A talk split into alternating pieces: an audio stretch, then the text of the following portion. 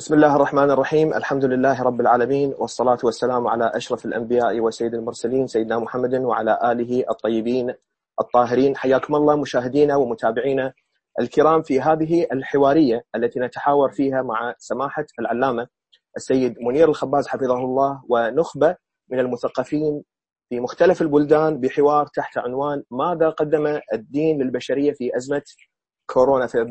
باسمكم آه، متابعينا الكرام ومشاهدينا نرحب بسماحة العلامة السيد المنير والإخوة المشاركين في هذه الحوارية. حياكم الله جميعا.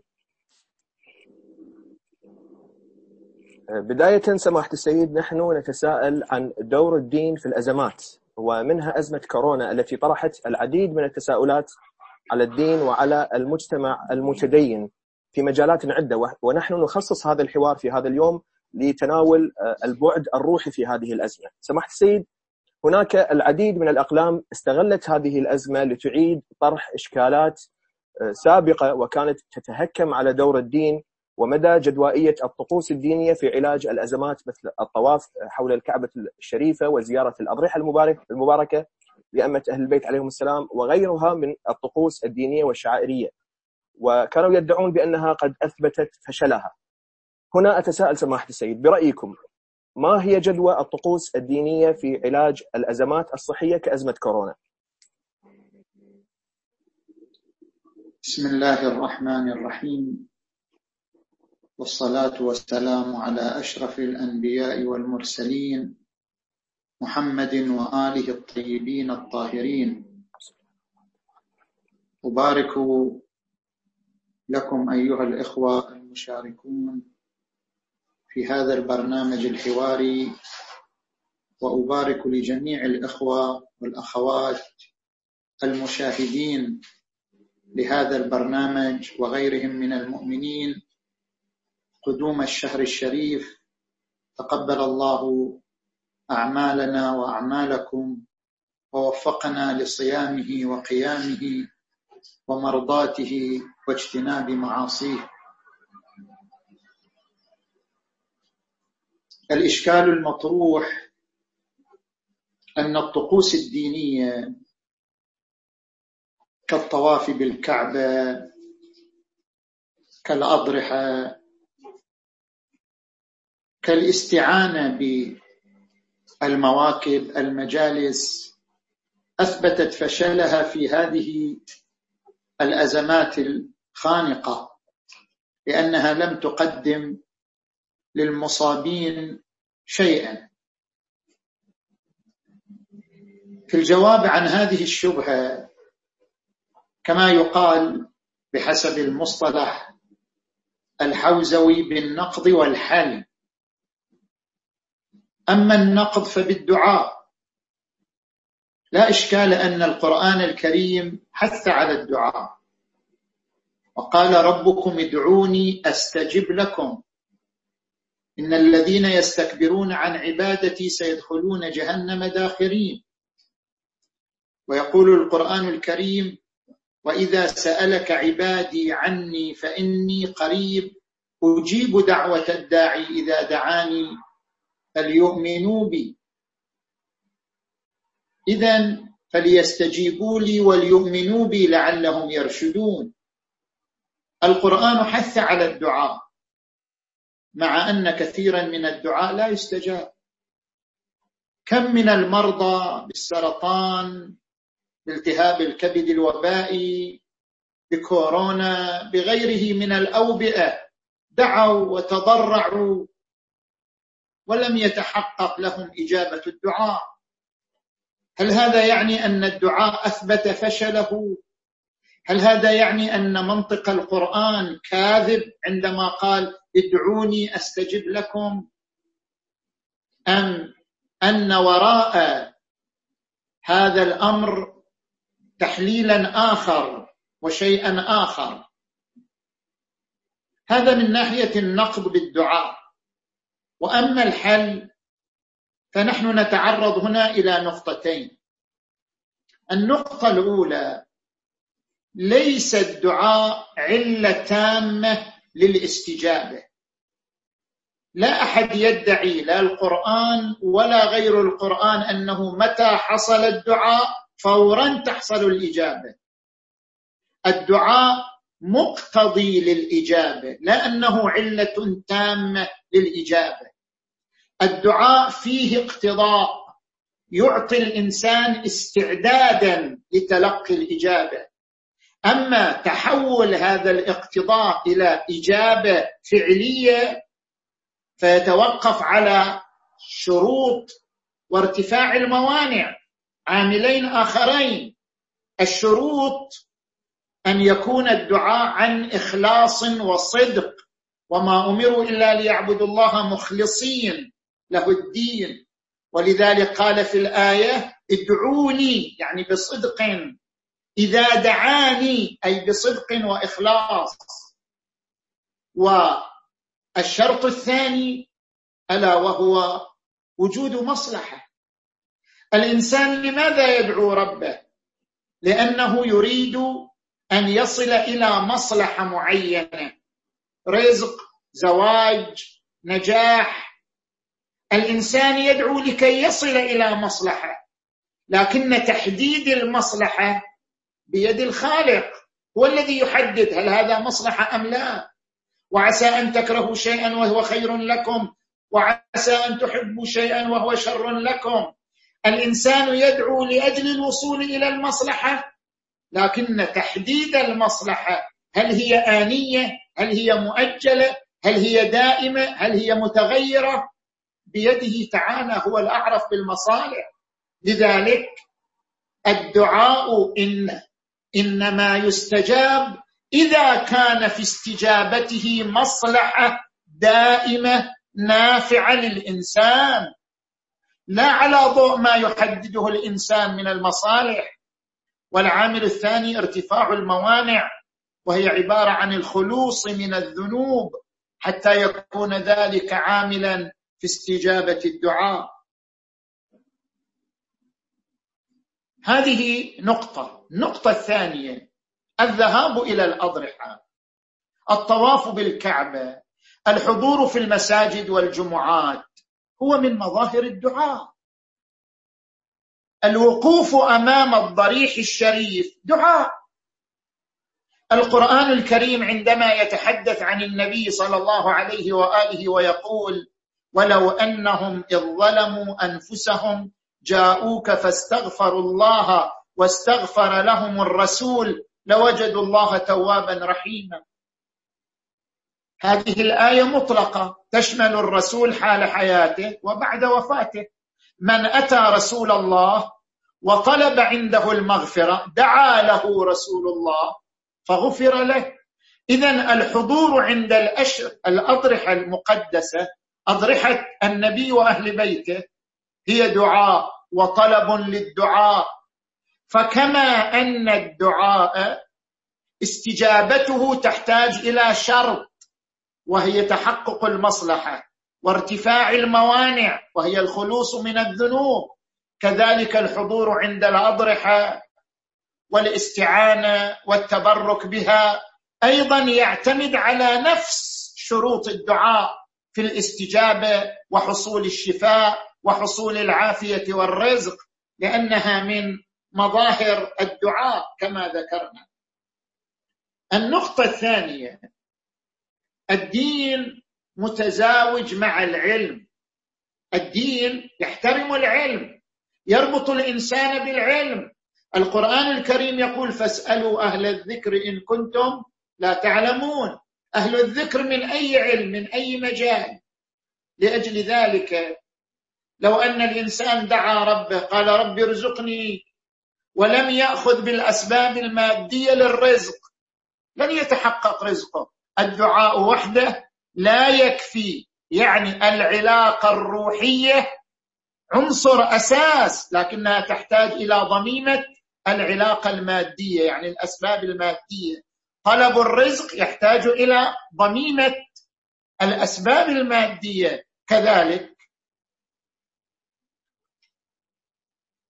الدعاء بطلب الرزق يحتاج إلى الأسباب المادية. أيضا عندما نقول بأن الحضور عند الأضرحة طلب الدعاء من أهل البيت جعلهم وسيلة إلى الله في تحصيل الشفاء وتحصيل الرزق. كما قال تعالى اتقوا ربكم وابتغوا إليه الوسيلة. كل ذلك يحتاج إلى الأسباب المادية كما يعتمد على العلاقة الروحية. من هنا نرى أن المرجعية الدينية نهت عن التجمعات. لم تنه عن الحضور عند الأضرحة لأنه أمر مستحب مبارك. لكن مع رعاية الأسباب المادية كما أن الدعاء وحده لا يكفي في الشفاء وتحصيل الرزق إلا بضميمة الأسباب المادية. كذلك الحضور عند الأضرحة الطواف بالكعبة أمر مستحب راجح. ولكنه ليس كافيا في تحقيق الأمل ما لم تنضم إليه الأسباب المادية. فالأسباب المادية الإنسان يمرض يشرب الدواء ويدعو الله. الإنسان أيضا يدعو الله بطلب الرزق ويسعى لطلب الرزق. أيضا مقتضى الجمع بين الدين والعلم بين العلاقة الإلهية والعلاقة المادية أن الإنسان يتجنب وسائل انتشار الوباء. عدم الدخول في التجمعات عدم الدخول في الاختلاطات أخذ بالأسباب العلمية الوقائية من أجل أن يحصل الإنسان على الشفاء في إطار هاتين العلاقتين العلاقة الإلهية بالدعاء والعلاقة المادية بالأخذ بالأسباب المادية أيضا.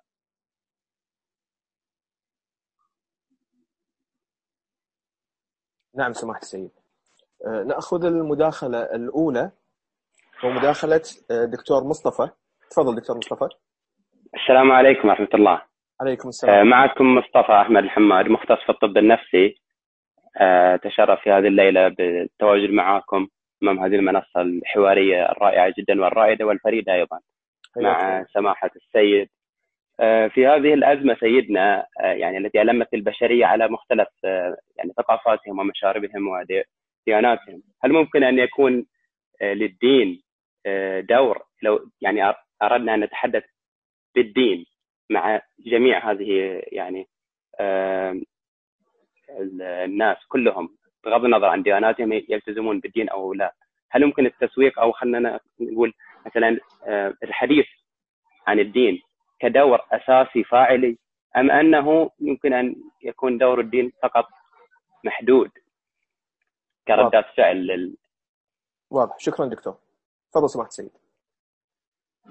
شكرا لمداخلة الدكتور مصطفى الحماد من الأحساء من المملكة العربية السعودية. في الواقع مداخلة الدكتور تنقلنا إلى تأصيل الدور الروحي للدين في مواجهة الأزمات والصعوبات. هل أن دور الدين دور انفعال أو فعل. هل أن دور الدين دور تأسيس أو مجرد انفعالات وقتية يصدرها علماء الدين في أي ظرف؟ نحن نقول الدين له دور فاعل في تأسيس صحة روحية تتكفل بمواجهة الأزمات والظروف القاسية. حتى أبين هذه النقطة. هناك علم علم الروحانيات. علم مستقل وإن استفاد منه علم النفس الإيجابي. علم النفس الإيجابي حركة انطلقت بعيدا عن علم النفس التقليدي. تستفيد من هذا المصطلح وهذا الباب ألا وهو مصطلح الروحانيات.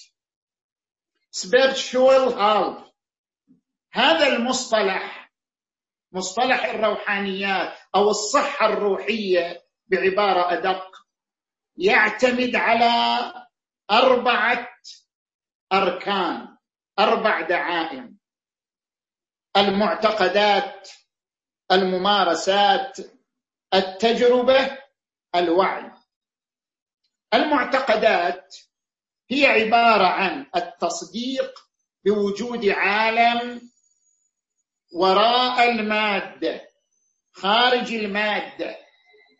عندما يحصل الإنسان على هذا المعتقد يساهم هذا المعتقد بشكل إيجابي في تحقيق الصحة الروحية لدى الإنسان. الدعامة الثانية الممارسات السلوكية. الممارسات السلوكية الروحية كالصلاة صلاة المسيحي صلاة اليهودي صلاة المسلم صلاة الصابئي أي صلاة؟ الآن نحن لا نتحدث عن خصوص الدين الإسلامي نحن نتحدث عن الدين بصفة عامة. وبعبارة أخرى نحن نتحدث عن العلاقة. بين الإنسان وبين الله من أي دين؟ من الأديان. الممارسات السلوكية الروحية حتى لو لم تعتمد على إدراك واعي بأن هناك عالم وراء عالم المادة نفس هذه الممارسات الروحية لها تأثير على الصحة الروحية لدى الإنسان. زين. نيجي إلى الدعامة الثالثة التجربة. التجربة هي لحظة فريدة ينطلق من خلالها العقل في توجيه النفس الإنسانية لما وراء المادة. العقل عندما يوجه النفس الإنسانية بمشاعرها بعواطفها بخواطرها بأفكارها يوجهها إلى نقطة مركزة إلى نقطة محددة تذوب فيها تضمحل فيها تتجاوز النفس الأنانية تتجاوز النفس الأبعاد الأنانية وتنطلق نحو تلك النقطة المركزة. ألا وهي ما وراء المادة. هذه اللحظة الفريدة تسمى بالتجربة كما يمارسها علماء العرفان في تجاربهم العرفانية حالة العروج إلى عالم آخر. هذه أيضا عامل ودعامة مؤثرة في الصحة الروحية. الدعامة الرابعة الوعي. الوعي هو عبارة عن تعبيد الطريق. بعد أن تأسست التجربة فسح المجال لهذه التجربة أن تأخذ مسارها في حياة الإنسان وسلوك الإنسان إلى آخر الطريق.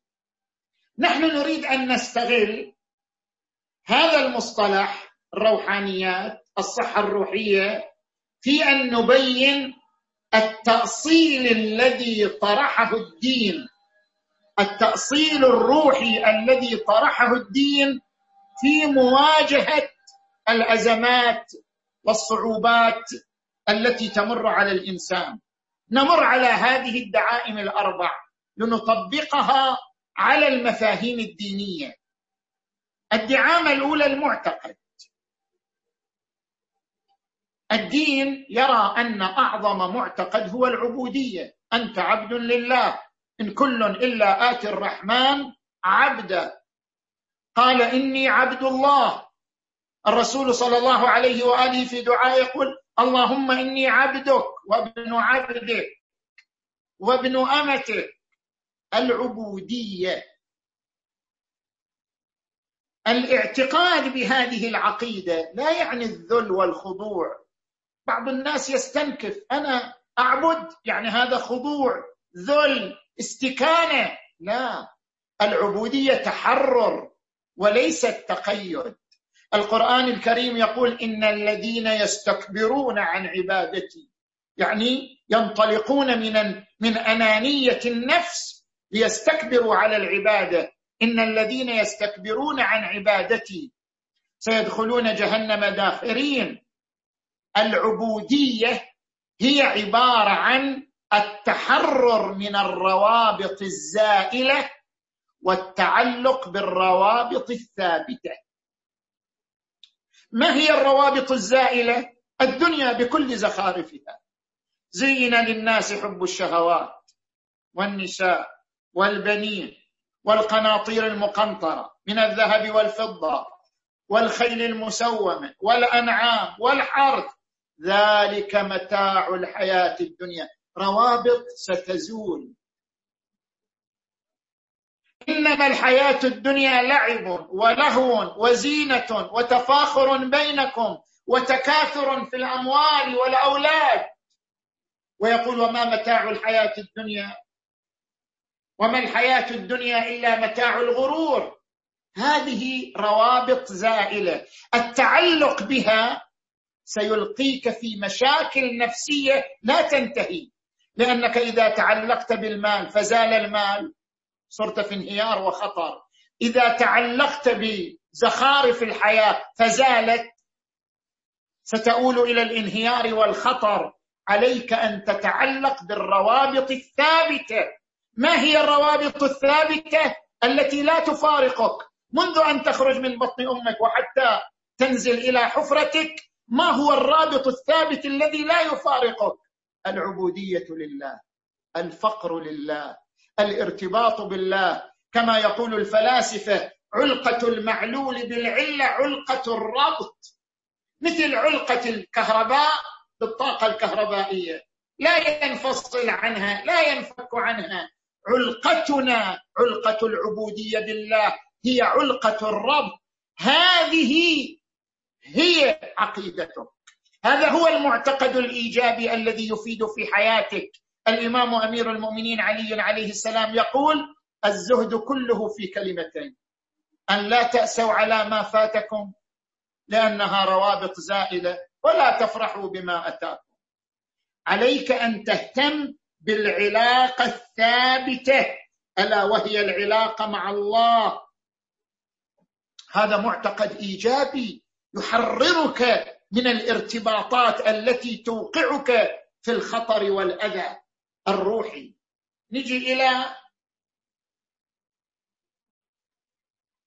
الدعامة الثانية ألا وهي الممارسات. نحن نريد بعد العقيدة الإيجابية ممارسات سلوكية تؤثر علينا في أن نكتسب الرضا بالحياة والقناعة بالحياة وأن نتعامل مع كل ما حولنا بلغة الحب والقناعة والرضا والتفاؤل والاستبشار. كيف نحصل على هذه المشاعر من خلال المعتقد من خلال الممارسات السلوكية؟ يذكر الدكتور زهير عبد الرحمن في ضمن دراسته التي نشرتها مؤسسة اليقين وهو من رواد الطب النفسي.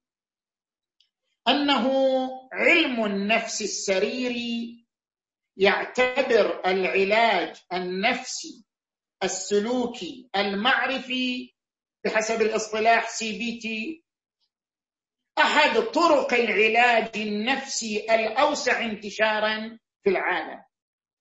تقوم فكرة هذا العلاج على تشجيع المعتقدات الإيجابية والسلوك الذي يغير الإنسان إلى حالة إيجابية. هذا طبعا ما يلتقي بعلم الروحانيات لأننا نريد أن نستفيد منه. هذا مصطلح آخر. نريد أن نستفيد منه في مجالنا أيضا في تحديد الممارسات الإيجابية. هناك مصطلح في الصحة الروحية مصطلح الممارسة الروحية لما لها من أثر إيجابي على هدوء النفس. هذا نطبقه على أي شيء في الدين؟ ما هو الطقس؟ الذين يقولون الطقوس لا قيمة لها أثبتت فشلها. ما هو الطقس الذي يحقق لنا ممارسة إيجابية تغمر النفس بحالة من الرضا والقناعة والحب والتفاؤل؟ ما هي هذه الممارسة التي تنطلق من معتقد العبودية لله؟ الدعاء. الدعاء ليس طلب مادي. كثير من الناس يمارس الدعاء على أنه طلب. رب ارزقني رب ارزقني زوجة صالحة ارزقني سيارة فرهة ارزقني أصدقاء صالحين ارزقني ارزقني ارزقني. الدعاء مجرد طلب عنده لا. الدعاء هو عملية تربوية. الدعاء عملية تصفية تطهير حتى لو ما كان في أي استجابة. حضورك أمام الضريح الشريف أمام الكعبة المشرفة. علقة قلبك بالله ارتباطك بالله.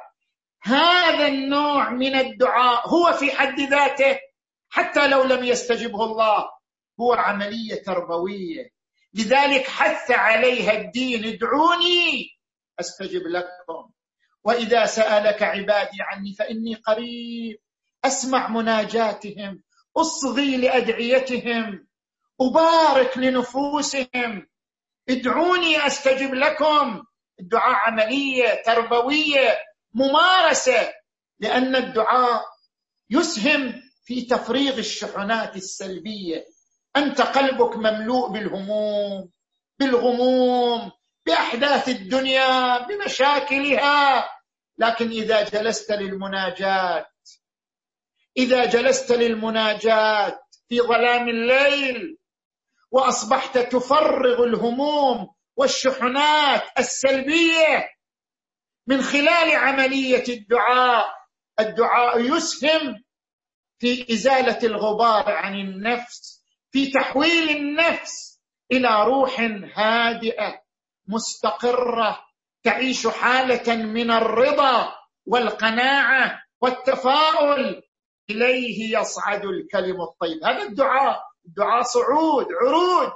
إليه يصعد الكلم الطيب والعمل الصالح يرفعه. لاحظوا أيضا تجربة أخرى يذكرها الدكتور زهير عبد الرحمن في دراسته. تأثير الفيزيولوجيا العصبية على الإنسان. يقول أقيمت دراسة اعتمدت على تصوير تشخيصي لأعصاب مجموعة من المصلين يؤدون الفرائض. تبين من خلال هذا التصوير انخفاض نشاط الفص الجبهي الأمامي. طبعا يعتقد أن قشرة الفص الجبهي الأمامي تلعب دورا في الوظيفة التنفيذية للإنسان اللي تشمل الإرادة وصنع القرار. الدعاء الصلاة العبادة تسهم في انخفاض نشاط الفص الجبهي الإمامي. في المقابل زيادة نشاط العصبية القاعدية والتلفيف الحزامي. ما هي وظيفة التلفيف الحزامي حتى يزيد نشاطه هو المؤثر في تنظيم المشاعر واستقرارها وهدوئها وبث روح التفاؤل فيها وزيادة التعلم تقوية الذاكرة تقليل الشعور بالقلق. ألا بذكر الله تطمئن القلوب؟ هذه الدراسات التي أقيمت تثبت لنا أن روح التسليم إلى الله روح العروج إلى الله روح تفويض الأمور إلى الله. إني وجهت وجهي وأسلمت أمري للذي فطر السماوات والأرض حنيفا مسلما وما أنا من المشركين.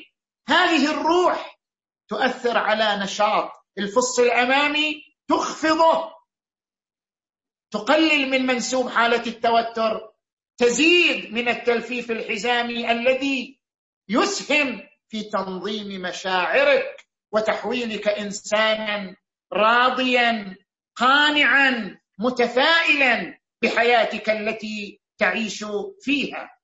أيضا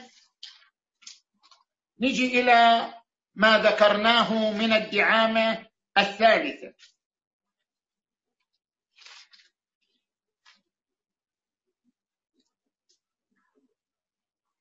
الدعامة الثالثة التجربة. التجربة هي عروج إلى الله. كما قلنا التجربة لحظة يقوم العقل فيها بإخراج النفس من حالة الأنانية وتوجيهها نحو عالم ما وراء المادة. ربط عالم الملك بحسب اصطلاح العرفاء بعالم الملكوت. ربط عالم الشهادة بعالم الغيب نقل من عالم إلى آخر. هنا هذه اللحظة الفريدة تغير الإنسان من شخصية إلى شخصية أخرى. قد أفلح المؤمنون الذين هم في صلاتهم خاشعون. ويقول القرآن الكريم وأقم الصلاة لذكري حتى أكون حاضرا عندك بك عرفتك يقول الإمام علي وأنت دللتني عليك. كل ذلك يعني التجربة. نجي إلى العنصر الأخير وإن أطلت عليكم الوعي. الوعي ماذا يعني؟ بحسب المصطلح الديني. الوعي الذي هو دعامة أساسية في الصحة الروحية ماذا يعني بحسب معالم الدور الروحي للدين. لاحظوا الإنسان كما يذكر الدكتور زهير في دراسته القيمة الإنسان يمارس عدة أدوار. هو زوج وهو أب وهو صديق لأخ معين وهو موظف في الشركة وربما يكون طالب في الجامعة. أدوار يمارسها. كل دور من هذه الأدوار يختلف عن الثاني. كل دور يحتاج إلى تخطيط عقلي ويحتاج إلى مشاعر معينة ويحتاج إلى أسلوب. التعامل مع الزوجة يحتاج إلى تخطيط يحتاج إلى أسلوب خاص يحتاج إلى مشاعر رقيقة لطيفة. التعامل مع الولد يحتاج إلى تخطيط آخر. يحتاج إلى مشاعر رعاية تربيه التعامل مع الصديق يحتاج إلى أسلوب اللين أسلوب التفهم وهكذا. كل علاقة تحتاج إلى دور يختلف عن الدور الآخر. يعني الإنسان في يوم واحد يمارس عدة شخصيات بعدة أدوار بعدة أساليب. إذا تأمل الإنسان ما هو القاسم المشترك بين هذه الأدوار كلها بين هالشخصيات كلها. ما هي الشخصية الحقيقية للإنسان وراء هذه الشخصيات كلها؟ هو الآن حازم مع ابنه.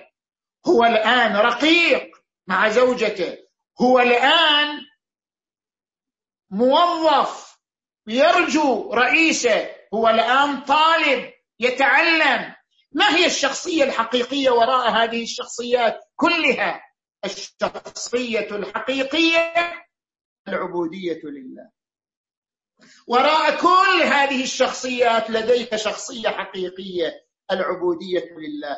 أنت عبد لله. أنت مرتبط بالله. اذا لتنطلق من شخصيتك الحقيقية لشخصياتك الأخرى. يعني عليك أن تترجم شخصيتك الحقيقية في شخصياتك الأخرى أن تترجم الدور الحقيقي في الأدوار الأخرى أن تنعكس علاقة العبودية لله على كل علاقاتك وعلى كل أدوارك. هذا هو الوعي الذاتي. الوعي الذاتي عندما يقول لك عقلك انطلق من شخصية العبودية لله إلى كل أدوارك إلى كل شخصياتك. لذلك تلاحظ القرآن الكريم يركز على هذه النقطة عندما يقول وعباد الرحمن سميهم عباد. وعباد الرحمن الذين يمشون على الأرض هونا ما ياذوا أحد ما يزاحموا أحد. وإذا خاطبهم الجاهلون قالوا سلاما. لغتهم لغة حب لغة سلام. مو لغة عداوة مو لغة حزازات. ربنا اغفر لنا ولإخواننا الذين سبقونا بالإيمان. ولا تجعل في قلوبنا غلا للذين آمنوا.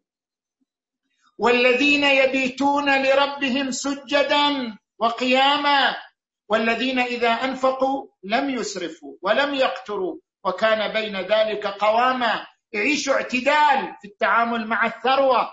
ثم يقول في حق هؤلاء والذين وإذا مروا باللغو مروا كراما. والذين يقولون ربنا هب لنا من أزواجنا وذرياتنا قرة أعين واجعلنا للمتقين إماما. كل علاقاتهم وأدوارهم انطلقت من عباد الرحمن من منطلق العبودية لله تبارك وتعالى.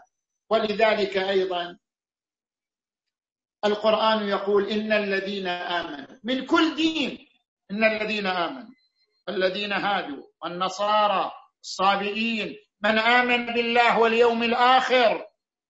لا خوف فأولئك لا خوف عليهم ولا هم يحزنون.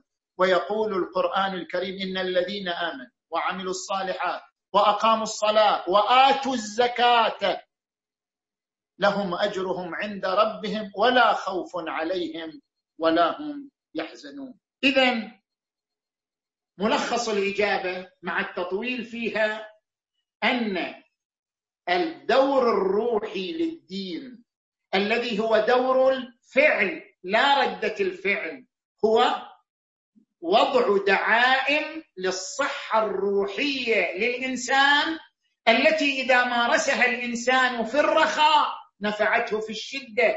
كما ورد في الحديث الشريف عبدي تعرف إلي في الرخاء. أعرفك في الشدة.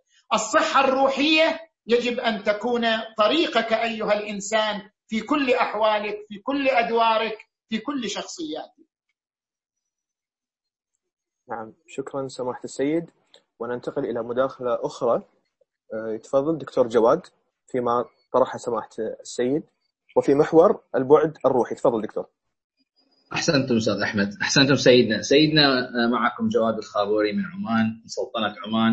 آه، سيدنا مداخلتكم جدا قيمة. هذا بحث حول ال... ذكرتم بعض الدراسات النفسية الدكتور زهير وغيره. هذه الدراسات تقوم على أسباب بيولوجية للأمراض العقلية والنفسية. فهنا استفساري كيف يمكن أن نستند على هذه الدراسات؟ وما هو المعطى التأسيسي للدين؟ في هذا المجال. نعم. شكرا دكتور. تفضل سماحه السيد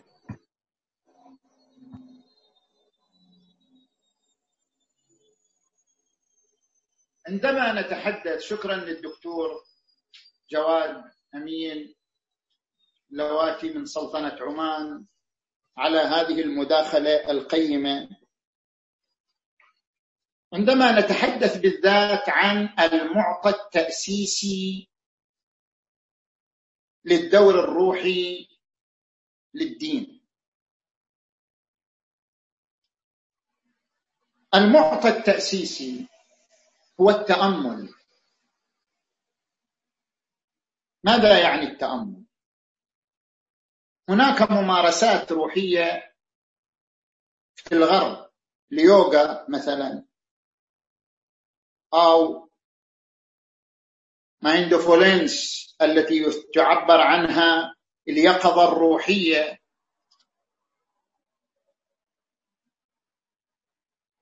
هذه حتى علم النفس التج... يعني علم النفس الإيجابي استفاد من الديانة البوذية في مصطلح الحضور الذهني ووضع علاج أو تدريب الحضور الذهني وضع ضمن بروتوكولات. بروتوكولات آه، علاج الاضطراب الجسدي والنفسي. نحن نرجع إلى النقطة التي نريد أن نتحدث عنها وهي التأمل. التأمل عنصر ومعطى كما هو معطى لكثير من مدارس علم النفس هو معطى ديني. يصفه الدين بأنه أعلى وأسمى العبادات. ورد عن الرسول صلى الله عليه وآله تفكر ساعة خير من عبادة سنة. ويتفكرون. يقول القرآن الكريم الذين يذكرون الله قياما وقعودا وعلى جنوبهم ويتفكرون. في خلق السماوات والأرض ربنا ما خلقت هذا باطلا سبحانك فقنا عذاب النار. ويقول القرآن الكريم فبشر عبادي الذين يستمعون القول فيتبعون أحسنه أولئك الذين هداهم الله وأولئك هم أولو الألباب التفكر والتأمل معطى أساسي مضافا للصحة الروحية التي تحدثنا عنها في المداخلة السابقة. التأمل. شحذ الذهن. له مجالات ثلاثة. المجال الأول قراءة الكون. الدين يشجع على الفلسفة. لا نقصد بالفلسفة علم الفلسفة الفلسفة اليونانية أو الفلسفة الغربية ما قبل الحداثة ما بعد الحداثة لا. نقصد بالفلسفة معناها الأعم وهي تحليل الحياة. قراءة الحياة قراءة تحليلية. كيف؟ لماذا؟ ورد عن الرسول صلى الله عليه وآله رحم الله عبدا عرف من أين؟ وفي آين وإلى آين. هذه أسئلة فطرية أساسية يلحظها كل إنسان في نفسه. كل إنسان يسأل من أين جئت؟ وفي آين أسير؟ وإلى آين سأنتهي؟ أسئلة كل إنسان يسألها. هذه الأسئلة التأمل فيها البحث عن أجوبتها هو عبارة عن قراءة الوجود قراءة الحياة قراءة الكون. قل سيروا في الأرض يقول القرآن. فانظروا كيف بدأ الخلق. وهو ما يعبر عنه بعلماء وهو ما يعبر عنه علماؤنا بالدلالة الآيوية. يعني أن تقرأ الكون قراءة آيوية. كيف يكون الكون آية ودليل على وجود شيء وراءه؟ ويتفكرون في خلق السماوات والأرض. ربنا ما خلقت هذا باطلا سبحانك فقنا عذاب النار. هذه هذا المورد الأول يضفي على النفس حالة سعة. لأن الإنسان عندما يفكر في الداخل ينزوي. الإنسان عندما يفكر في الجيب متى يمتلي أموال؟ البطن متى يمتلي طعام؟ الرأس متى يمتلي نوم؟ على الوسادة الناعمة. الشهوة متى تمتلي بإشباع غريزتها؟ عندما يفكر الإنسان في الأنا في شهواته في إشباع غرائزه سوف يتحول إلى كومة حيوانية. لكن عندما ينطلق إلى الكون الذي حوله ليقرأه قراءة تحليلية آيوية فإنه يتسع أفقه ويرى نفسه جزءا من هذا الوجود لا ينفصل عنه ويرى نفسه متحدا مع هذا الوجود لا ينفصل عنه ليعبر منه إلى ما وراء هذا الوجود كله. هذا يضفي على النفس سعة في التفكير. هذا المورد الأول. المورد الثاني قراءة شريط النفس الماضي. كما ورد عن الرسول صلى الله عليه وآله حاسبوا أنفسكم قبل أن تحاسبوا وزنوها قبل أن توزنوا ونفس وما سواها فألهمها فجورها وتقواها قد أفلح من زكاها وقد خاب من دساها. المورد الثالث وهو المهم ولتنظر نفس ما قدمت لغد.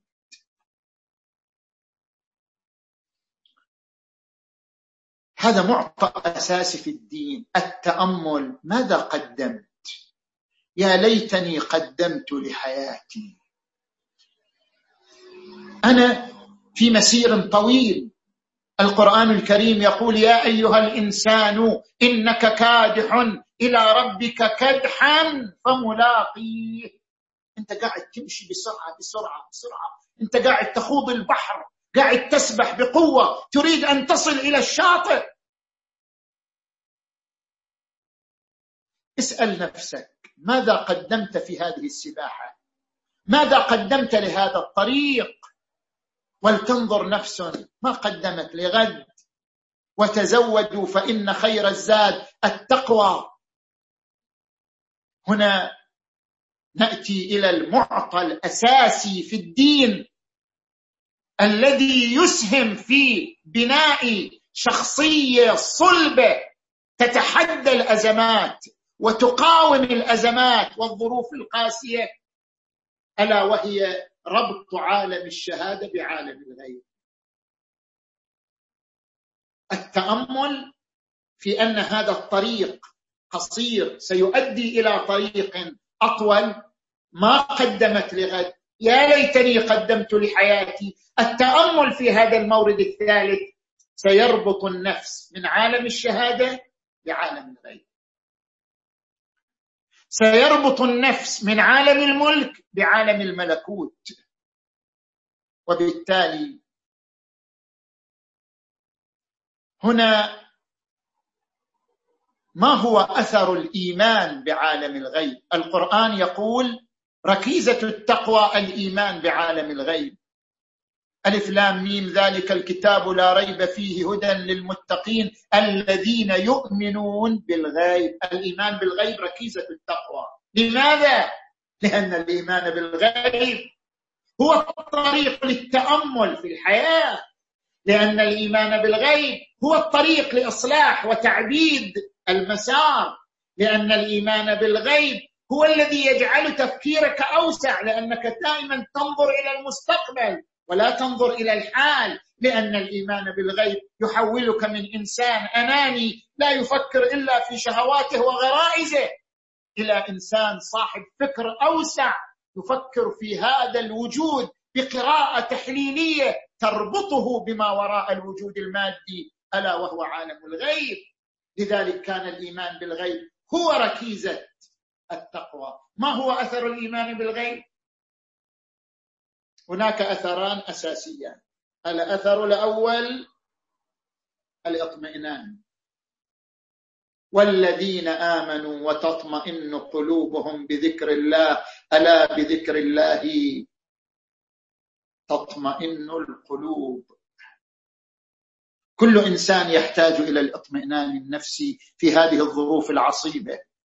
كل إنسان يحتاج إلى أن يقاوم الخوف والهلع والقلق إن الإنسان خلق هلوعا إذا مسه الشر جزوعا وإذا مسه الخير منوعا إلا إلا المصلين يعني إلا المؤمنين بالغيب. الذين ربطوا عالم الشهادة بعالم الغيب. الذين لجأوا إلى الله كما ورد عن الرسول صلى الله عليه وآله كان إذا حزبه أمر فزع إلى الصلاة. واستعينوا بالصبر والصلاة. الصلاة هي ارتباط بعالم الغيب. الارتباط بعالم الغيب يضفي عليك حالة من الهدوء والسكينة والاستقرار. ألا بذكر الله تطمئن القلوب؟ والأثر الثاني ونختم به ألا وهو تأثير السنن الغيبية على مسيرة الإنسان. كثير منا يظن أن السنن المؤثرة على الإنسان فقط السنن السنن المادية. إذا مرضت ما في طريق إلا شرب الدواء. إذا مثلا أخفقت في دراستي ما في طريق إلا المذاكرة. إذا مثلا أصابتني أزمة نفسية ما في طريق إلا الرجوع إلى الطبيب أو الاستشاري النفسي. لا. كما أن للسنن المادية تاثيرا على حياتك للسنن الغيبية تأثير على حياتك. هذا نتيجة الإيمان بالغيب. الصدقة. الصلاة. بر الوالدين. صلة الأرحام. ورد عن الرسول صلى الله عليه وآله إن الصدقة تدفع البلاء المبرم. فداووا مرضاكم بالصدقة. وورد عنه صلى الله عليه وآله صلة الرحم. تزكي الأعمال تنمي الأموال تعمر الديار تنسئ الآجال. اذا إذا سألنا إنسان ما هو المعطى الأساسي الذي طرحه الدين؟ مع الصحة النفسية التي تحدثنا عنها قلنا المعطى الأساسي التأمل اليقظة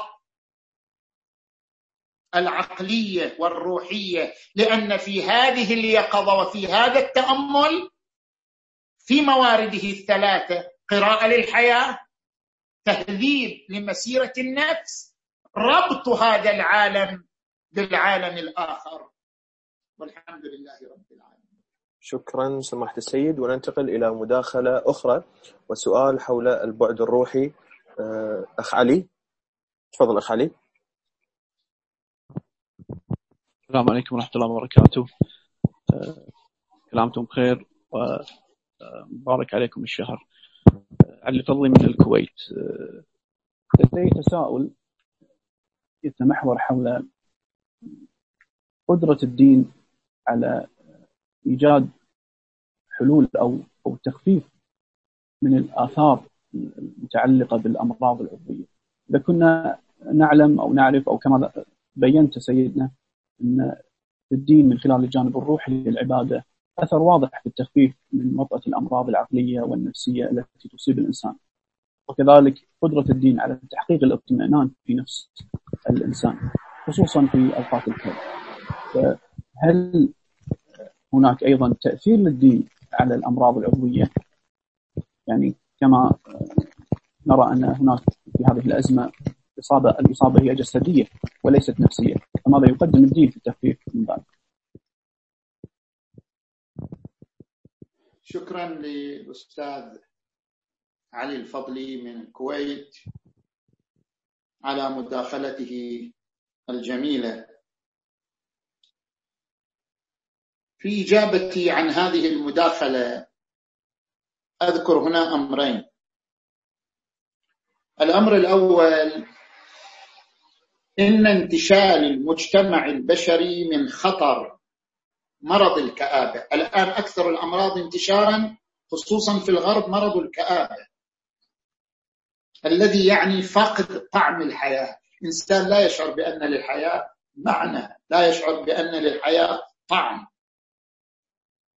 انتشال المجتمع البشري من مرض الكآبة وخطر هذا المرض لا يقل أهمية عن انتشال المجتمع البشري من الأمراض العضوية والبدنية لماذا؟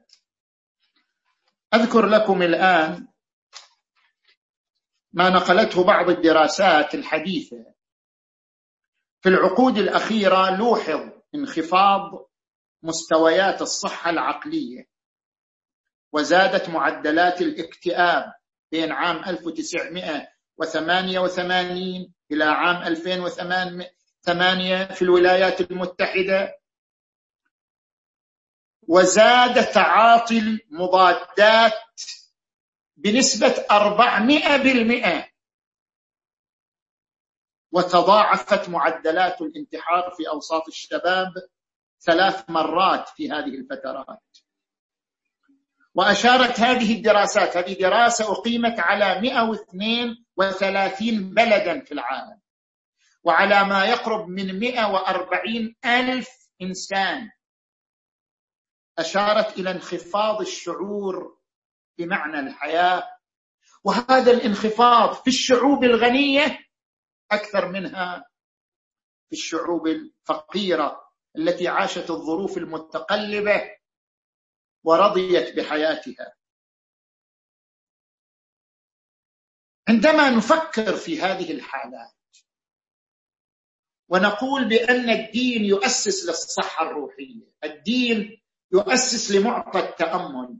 إذا الدين يفكر في انتشال المجتمع البشري من خطر الكآبة. وهذا طريق لا يقل عما يمارسه الطب من انتشال المجتمع البشري من خطر الأمراض الأخرى.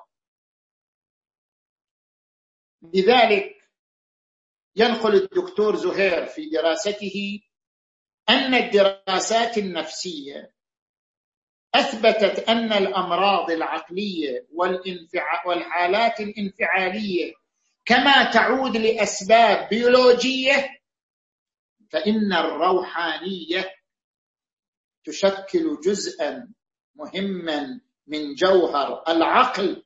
بل ذهب البروفيسور الأمريكي روبرت روبرت إيموز إلى اعتبار الروحانية نوعا مستقلا من العلوم الإنسانية. طيب.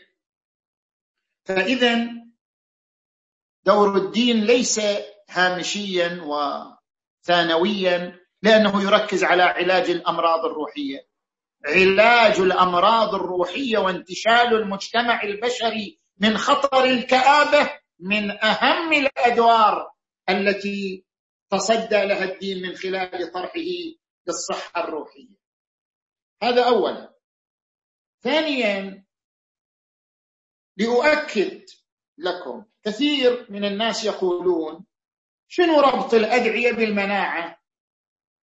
طيب الإنسان حتى يقاوم الإصابة بفيروس كورونا أو الأوبئة الأخرى يحتاج إلى مناعة. والمناعة تعني أن غذاءه جيد نومه جيد لا ليس مبتلى بأمراض مزمنة في الرئة في الكلى في السكر في أي شيء. هذا المناعة ما لنا علاقة بالقضايا الروحية. لا. المناعة كما تعتمد على هذه الأمور كما تعتمد على هذه النقاط المادية تعتمد أيضا على الهدوء والاستقرار. المناعة لا تعتمد فقط على غذاء جيد ونوم جيد وبدن صحي جيد ورياضة بدنية. أيضا تعتمد على الاستقرار النفسي. المناعة تحتاج إلى استقرار نفسي. المناعة تحتاج إلى هدوء نفسي. المناعة تحتاج إلى رصيد روحي. كيف نثبت ذلك؟ طبعا بغض النظر عن الأدلة الدينية نحن نذكر بعض المؤيدات.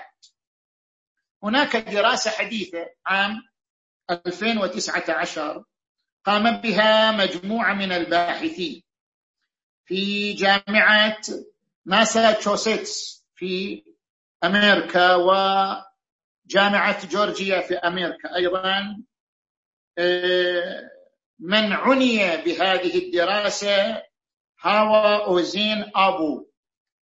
لعلها باحثة اسمها حواء ف يعني كتب بالإنجليزي هاوا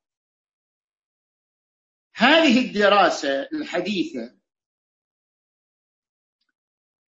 أقيمت على ما يقارب ألفين مريض مشخصين بجلطات القلب الحادة يعني مرض عضوي مو مرض روحي جلطات القلب الحادة منومين في ستة مراكز طبية بالولايات المتحدة. وتم دراسة تأثير التدين على حالتهم الصحية من خلال توزيع استبيانات عليهم لقياس مستوى تدينهم من خلال بعض الممارسات الدينية. وكانت النتيجة ثلاثة أمور. واحد تسعة وثمانين بالمئة من العينة يهتمون بوجود أشخاص يدعون لهم بالشفاء. نسألكم الدعاء. طلب الدعاء من الآخرين يهتمون بذلك.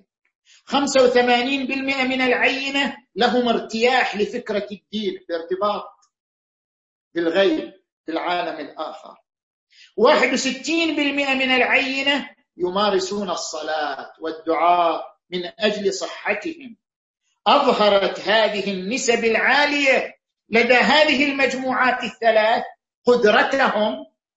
شوف نتيجة هذا التعلق الروحي. قدرتهم على الانخراط في النظام الصحي ورفع الإنتاجية في حياتهم والتقليل والتقليل شوف قضية المناعة من كونهم عرضة للإصابة بأعراض القلب مرة أخرى.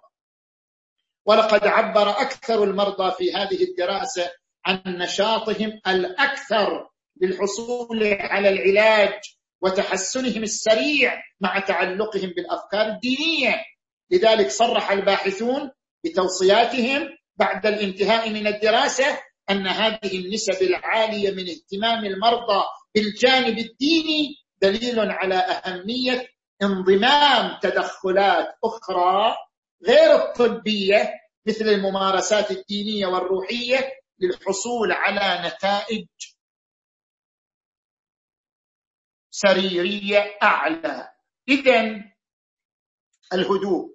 الاستقرار الشعور بالرضا الشعور بالقناعة الشعور بالتفاؤل. هذه المشاعر الروحية التي تركز عليها الديانات من خلال العبادة والتعلق بالسماء تسهم في تقوية المناعة حتى أمام الأمراض البدنية الناشئة عن الأوبئة أو الناشئة عن آه، كما ذكرت الدراسة آه، معرضيه الإنسان أو معرضيه الجسد للجلطات القلبية آه، لا سمح الله وقانا الله وايانا. نعم سماحة السيد شكرا لكم ننتقل إلى مشاركة أخرى ومداخلة للأخ علي فؤاد. السلام عليكم سيدنا. آه لعل المداخلة آه مقرونة بما طرحتم أو هي أعم بشكل ما. الدراسات النفسية والاجتماعية المعتمدة على الإحصاء قد نضع عليها بعض الإشكاليات من نقص في الاستقراء أو أن إعادتها قد تنتج عن عنها أرقام مختلفة أو حتى نتائج مختلفة لربما مضادة في بعض الأحيان. فالسؤال هنا هل من المقبول أن نتخير من الدراسات والنتائج ما يتوافق مع قناعاتنا المسبقة ونغض الطرف عما لا يتوافق منها؟ أعيد لعله أعم من هذه النقاط أو الأبحاث التي ذكرتموها هنا. واضح. شكرا. تفضل سماحة السيد. نشكر المهندس علي فؤاد الجشي من القطيف من المملكة العربية السعودية على مداخلته الجيدة في هذا المجال وهي مجال الاعتماد على الدراسات النفسية. هنا نذكر أمور ثلاثة. الأمر الأول هذه الدراسات تنطلق من حرم ومنبر جامعي. لا تنطلق من مؤسسة أهلية تنطلق من منابر جامعية. وبالتالي بحسب أصول البحث الأكاديمي أن أي دراسة تقدم وتبنى عليها نتائج. لأننا ذكرنا في هذه الدراسات أنه بنيت عليها نتائج. يعني الباحثون الذين قاموا بهذه الدراسات وضعوا توصيات بناء على هذه الدراسات وأسسوا لنتائج بناء على هذه الدراسات. طبعا من أصول البحث الأكاديمي أن الدراسة تارة من أجل توسعة الفكر ومن أجل تقوية مسار البحث. وتارة الدراسة من أجل الخروج بتوصيات ونتائج. هنا يفترض أن الباحثين يبحثون عن دراسات معارضة. هل هناك دراسات حديثة معارضة أم لا؟ فيفترض كأصل من أصول البحث. البحث عن دراسات معارضة. يفترض كأصل من أصول البحث أن تكون الدراسة حديثة. يفترض كأصل من أصول البحث أن تكون الدراسة بأكبر عدد ممكن. صحيح هي كلها استقراء ناقص. هذه الدراسات كلها استقراء ناقص. لكن حتى تعطي مجالا للتوصية والاستنتاج لابد أن تعتمد على ركائز البحث الموضوعي العلمي. لذلك هذه الدراسات عندما تخرج من منابر جامعية فهي دراسات موثقة دراسات علمية معتمدة نستخدمها نحن في دعم آه، الفكر الديني. ثانيا نعم هذه الدراسات استقراء ناقص. مثلها مثل أي تجربة طبية أخرى. الآن شركات الأدوية حتى الأدوية التي تعتمد عليها منظمة الصحة العالمية هي تعتمد على تجربة واستقراء ناقص. تجربة هذا الدواء على عدد لنفترض هذا العدد مليون شخص. بالنتيجة هو استقراء ناقص. فإن البشر مليارات. وربما هناك أناس لا يلائمهم الدواء بل يضرهم الدواء. مع ذلك الدواء تعتمده منظمة الصحة العالمية لأنه قام على أسس علمية في مجال الدراسة وتحقيق التجربة. صحيح هو استقراء ناقص لكن هذا هو مقدور هذا هو مقدور العقل البشري.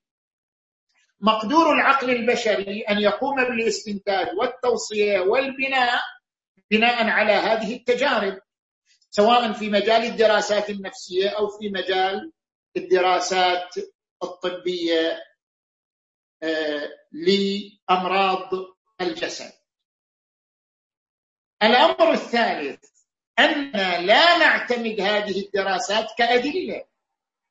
طبعا طبيعي نحن كمتدينين نطرح الدين أنه فلسفة للحياة.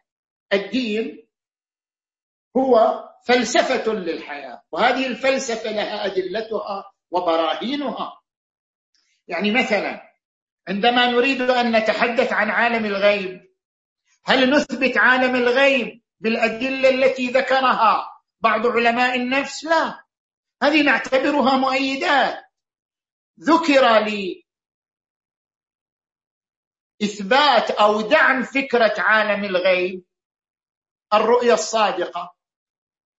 آه، دراسات قام بها عالم النفس والأعصاب الأمريكي بيتر. آه، قام بها وعلى مجموعة ممن عاشوا حالة الاقتراب من الموت. لكن هذه نحن لا نعتبرها أدلة. نعتبرها مؤيدات.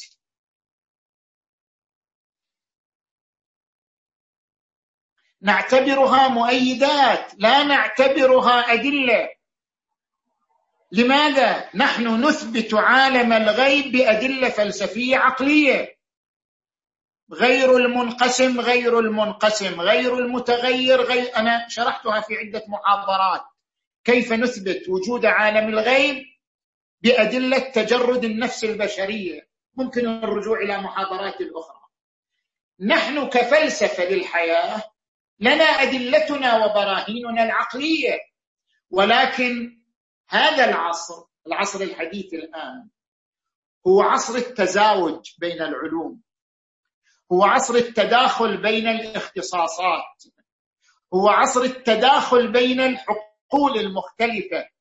نحن لنا فلسفتنا العقلية ولنا أدلتنا وبراهيننا عندما نطرح الدين كفلسفة للحياة ولكن أيضا فلسفتنا تتزاوج مع معطيات الدراسات في علم النفس مع معطيات الدراسات في علم الاجتماع مع معطيات الدراسات في علم القانون وعلم الإدارة. من خلال التزاوج بين هذه الفلسفة العقلية وبين العلوم والحقول الأخرى نصل إلى وعي أقوى للحقيقة ونصل إلى تحليل أدق للحقائق ونصل إلى آه، وثوق أقوى بجميع المعطيات المصيرية التي نحتاج إليها. فنحن نعتمد على هذه الدراسات لا من باب الانتقاء وأنها نافعة لنا وإنما نعتمد على هذه الدراسات من باب التزاوج بين الفلسفة التحليلية العقلية للدين وبين معطيات العلوم الأخرى لأن التزاوج بين هذه المجالات والحقول المختلفة يجعل الوصول إلى الحقيقة أدق ويجعل التحليل للحقائق الحياتية المصيرية أدق. نعم, سماحة السيد شكرا. أه، أه، إحنا تجاوزنا الساعة وباقي عندي مشاركتين. بإذن الله ناخذ المشاركتين هذيل كمشاركات أخيرة لنهاية الحوار. المداخلة التالية لأن أخ مهدي تفضل. السلام عليكم سيدنا. على الأخوة جميعا. آه، مهدي العبقري من القطيف السعودية. سيدنا قد يقال أن الدور الروحي للدين في الأزمات مجرد دور تخديري أفيوني. وهو دور إيجابي كما تفضلتم أثناء الأزمة يعني على المدى القصير. لكن على المدى البعيد قد يقال أنه دور سلبي باعتبار أن من لا يؤمن بالغيب المجتمعات التي تنكر عالم الغيب ترى أن سبيل خلاصها هو التوصل إلى الأسباب المادية فقط. ولذلك فإنهم يبذلون قصارى جهدهم من أجل الوصول إلى حلول طبية وعلمية ناجعة. بينما المجتمعات المؤمنة نراها تتمسك بالأسباب الغيبية آه، والقوى الماورائية. لذلك فإنها لا تتطور ولا تتقدم في المجال العلمي. وما رأيكم؟ شكرا. شكرا أخ مهدي. تفضل سماحة السيد. الآن للمهندس مهدي العبكري من القطيف من المملكة العربية السعودية. هناك فرق بين لغة الثواب والعقاب وهي لغة عاطفية. وبين لغة البرهنة العقلية وبين لغة استثمار الخبرات البشرية في مجالات العلوم الإنسانية. كثير ممن وصم الدين بأنه يقدم حلول تخديرية وقتية.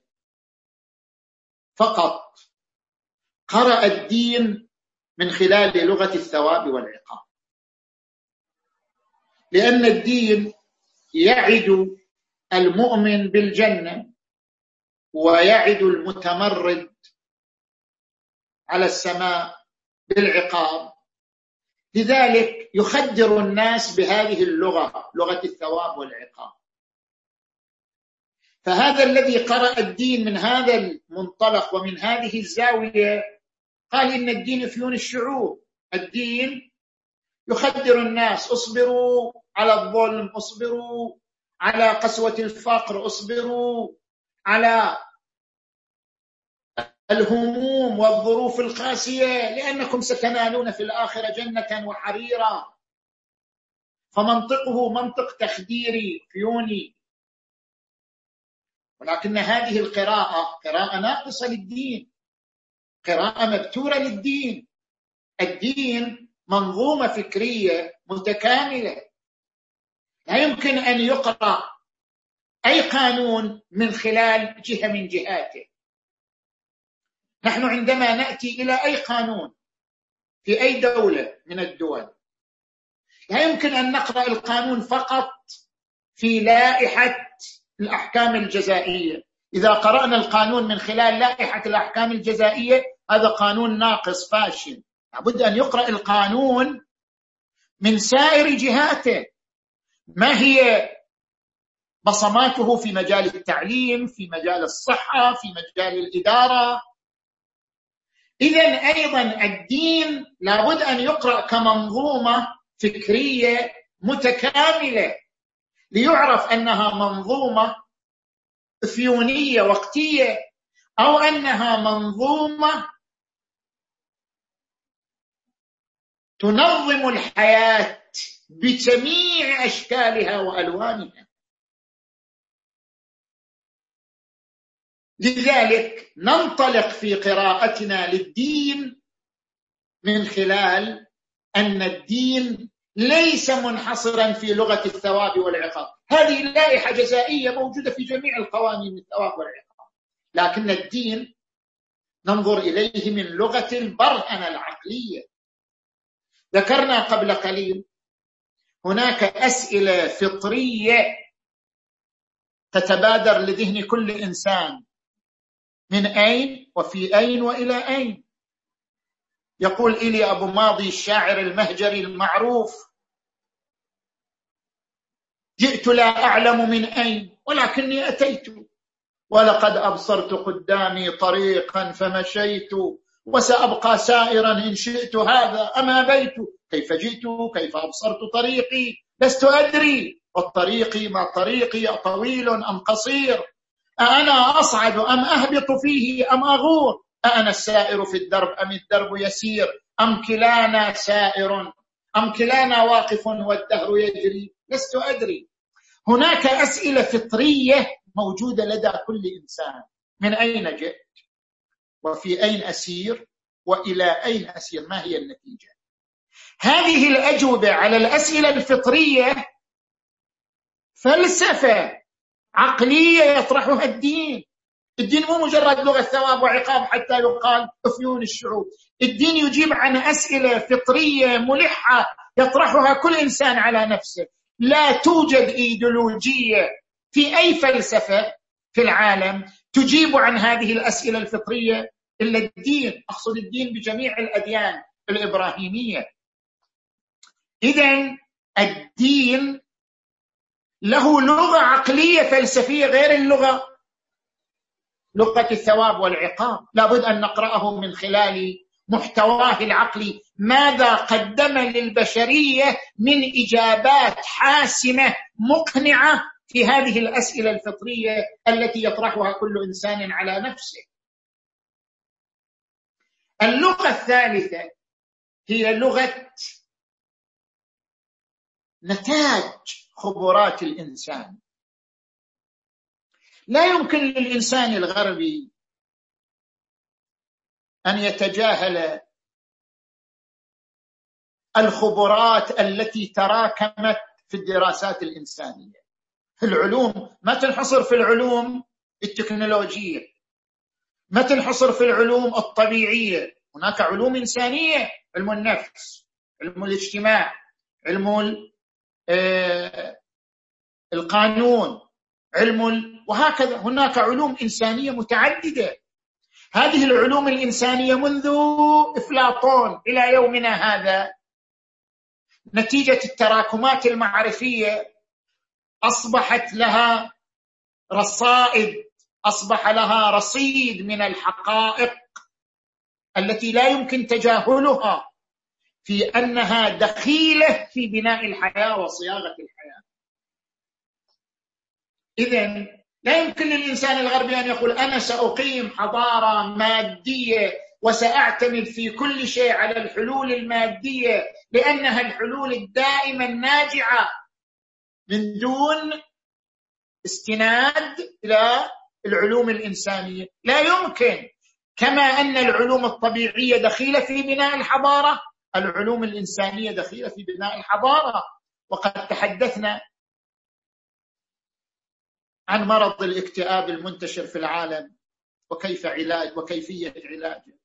وقد تحدثنا عن خطر البعد عن المسار الروحي في العالم لأجل ذلك. كما أن الحضارة المادية تحتاج حاجة دائمة لا وقتية لا أفيونية للدراسات الإنسانية تحتاج إلى المعطى الديني لأنه يصب في تكميل هذه الدراسات الدينية وفي تنضيج الحقائق التي طرحتها الدراسات الإنسانية. الدين حقائقه الروحية مضافا إلى لغته العقلية ترتبط ارتباط وثيق بالتراكمات المعرفية للعلوم الإنسانية التي تحتاجها كل حضارة في بنائها وفي شموخ معارفها وشموخ مفاهيمها. نعم. نعم شكرا سماحة السيد. وننتقل إلى المداخلة الأخيرة من مداخلات الحوار لهذا اليوم للشيخ عبد الرحمن. تفضل شيخنا. السلام عليكم ورحمة الله. معكم عبد الرحمن شهيد من أمريكا. حياكم الله شيخ. سلامكم الله. سيدنا العزيز آه هذه مداخلة قصيرة. بما أنكم تفضلتم بضرورة التوجه نحو الدين وأن الدين يقدم هذه الحلول كيف يتسنى لأبنائنا الذين يعيشون في الغرب ويتشبعون بالثقافة الغربية المادية منذ طفولتهم أن يلمسوا العطاء الروحي الديني ليستفيدوا منه في مواجهة هذه الأزمات. وما هي السبل لتحقيق ذلك؟ شكرا. شكرا شيخنا. تفضلوا سماحة السيد. العزيز الأستاذ الشيخ عبد الرحمن شري من الولايات المتحدة. على هذه المداخلة الجميلة فعلا أنا من خلال رحلاتي إلى الولايات المتحدة إلى أوروبا فعلا هناك مشكلة أساسية تعيشها كل أسرة في الغرب أن هذا الطفل الذي يولد في أجواء الثقافة الغربية التي تركز على اللغة الرأسمالية وتركز على اللغة المادية البحتة. ويعيش هذا الطفل هذه الثقافة منذ نعومة أظفاره إلى أن يصبح شابا يافعا. كيف يمكن أن يتقبل الثقافة الروحية؟ كيف يمكن أن يتقبل طعم الدين ومعنى الدين مع أنه يعيش في أجواء أخرى وأبعاد أخرى. ابن المجتمعات الشرقية يسهل لأنه يسمع الأذان يسمع القرآن يرى المسجد أمامه يرى الأجواء العبادية في كل يوم. لكن المولود في الغرب كيف يمكن جلبه إلى العالم الروحي الشفاف؟ كيف يمكن أن يتذوق طعم العباده كما يتذوق أجواء الحياة المادية الغربية؟ هذه مشكلة خطيرة وكبيرة جدا. لأجل ذلك طرحت أنا في عدة محاضرات في الغرب أن مسؤولية المراكز الإسلامية في الغرب. هي مسؤولية ضخمة جدا وعملاقة. مع الأسف وهذا النقد أنا ذكرته في الغرب وفي نفس المراكز أن المراكز الإسلامية في الغرب هي نسخة من حسينياتنا في الشرق. يعني بدل ما نبني حسينية في الشرق نقرأ فيها تعزية نفس النسخة نخليها في الغرب. طبيعي. وليد الغرب. لن يأنس بهذه الأجواء. نحن نحتاج إلى خطة أخرى. نحن نحتاج إلى استراتيجية أخرى. ننطلق منها من خلال المراكز الموجودة في الغرب. هذه الخطة هي عبارة عن شرح الفكر الديني بلغة الغرب نفسه. ما أقصد باللغة الإنجليزية. اللغة الإنجليزية ضرورية. أقصد بالثقافة الغربية نفسها. كيف نطرح الدين بلغة الثقافة الغربية؟ لكي يتفهمه أبناء هذه المجتمعات. من هنا نحتاج إلى شخصيات تمتلك الخبرتين. الخبرة بالفكر الديني الفكر الديني بدقته بعمقه وتمتلك الخبرة بلغة الثقافة الغربية حتى يمكنها أن تشرح الدين من خلال ذلك من خلال الكتابات الخطب الندوات الحوارات. المهم أن لغة الشرح تكون هي لغة الثقافة الغربية. البند الثاني أننا نحتاج إلى مدارس توجد في الغرب مدارس لكن ليست كثيرة. مثلا موجود في ديترويت التي زرتها عدة مرات المدرسة التي أقامها الأخ حسنين رجب مدرسة تعنى بشرح الفكر الإسلامي من خلال المقررات الدراسية. نحتاج إلى مدارس كثيرة على مستوى الغرب حتى الطفل يتذوق الفكر الديني من خلال المقرر المدرسي من المدرسة الابتدائية. من المرحلة الابتدائية؟ فما بعد. والبند الثالث. هي مسؤولية رجال الدين. مسؤولية رجل الدين هي التواصل وليس مسؤولية رجل الدين إلقاء الخطب فقط.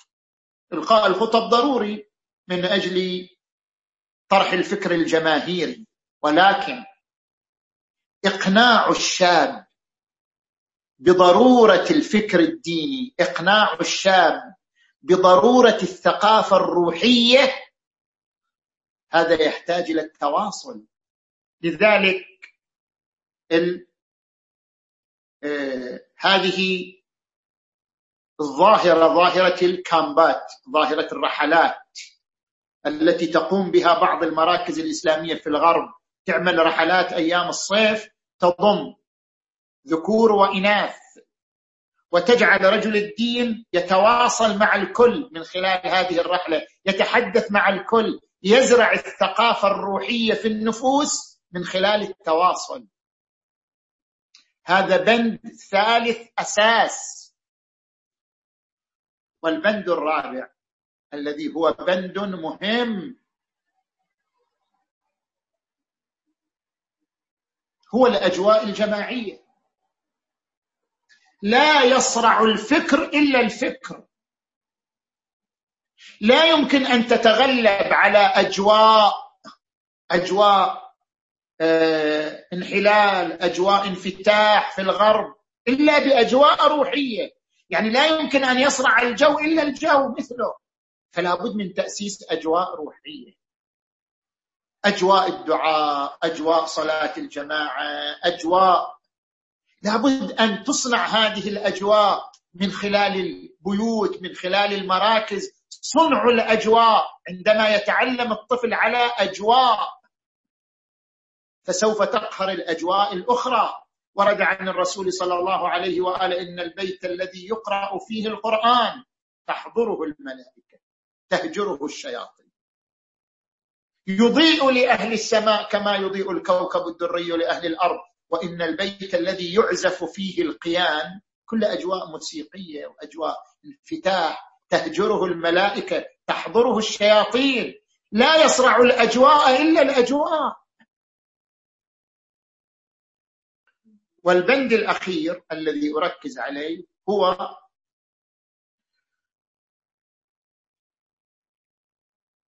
يجب أن يكون دورنا كمؤسسات دينية كرجال دين كمشائخ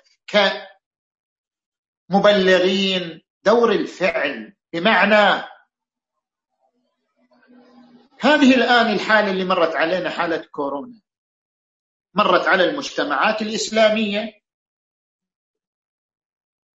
هل قرأناها قراءة دقيقة؟ هل حاولنا أن نستثمرها؟ هل حاولنا أن ندرسها؟ الآن مرت علينا هذه الأحداث. كنا الآن جالسين في البيوت. كنا الآن في حالة حجر صحي. جالسين مكاننا. هل استطعنا نحن كمتدينين أن نقرأ الحالة لنستكشف عيوبنا؟ نقص طرقنا التبليغية. نقص أساليبنا التبليغية. ماذا يجب أن نقدمه للمجتمع الديني الإيماني؟ هل قمنا بدراسة استثمرنا فيها هذه الظروف لنكتشف نقص النقص العيب الأساليب المتخلفة والأساليب الناجحة لنكتشف أهم من كل هذا؟ ماذا يحتاجه المجتمع البشري عندما يمر بالأزمات الخانقة؟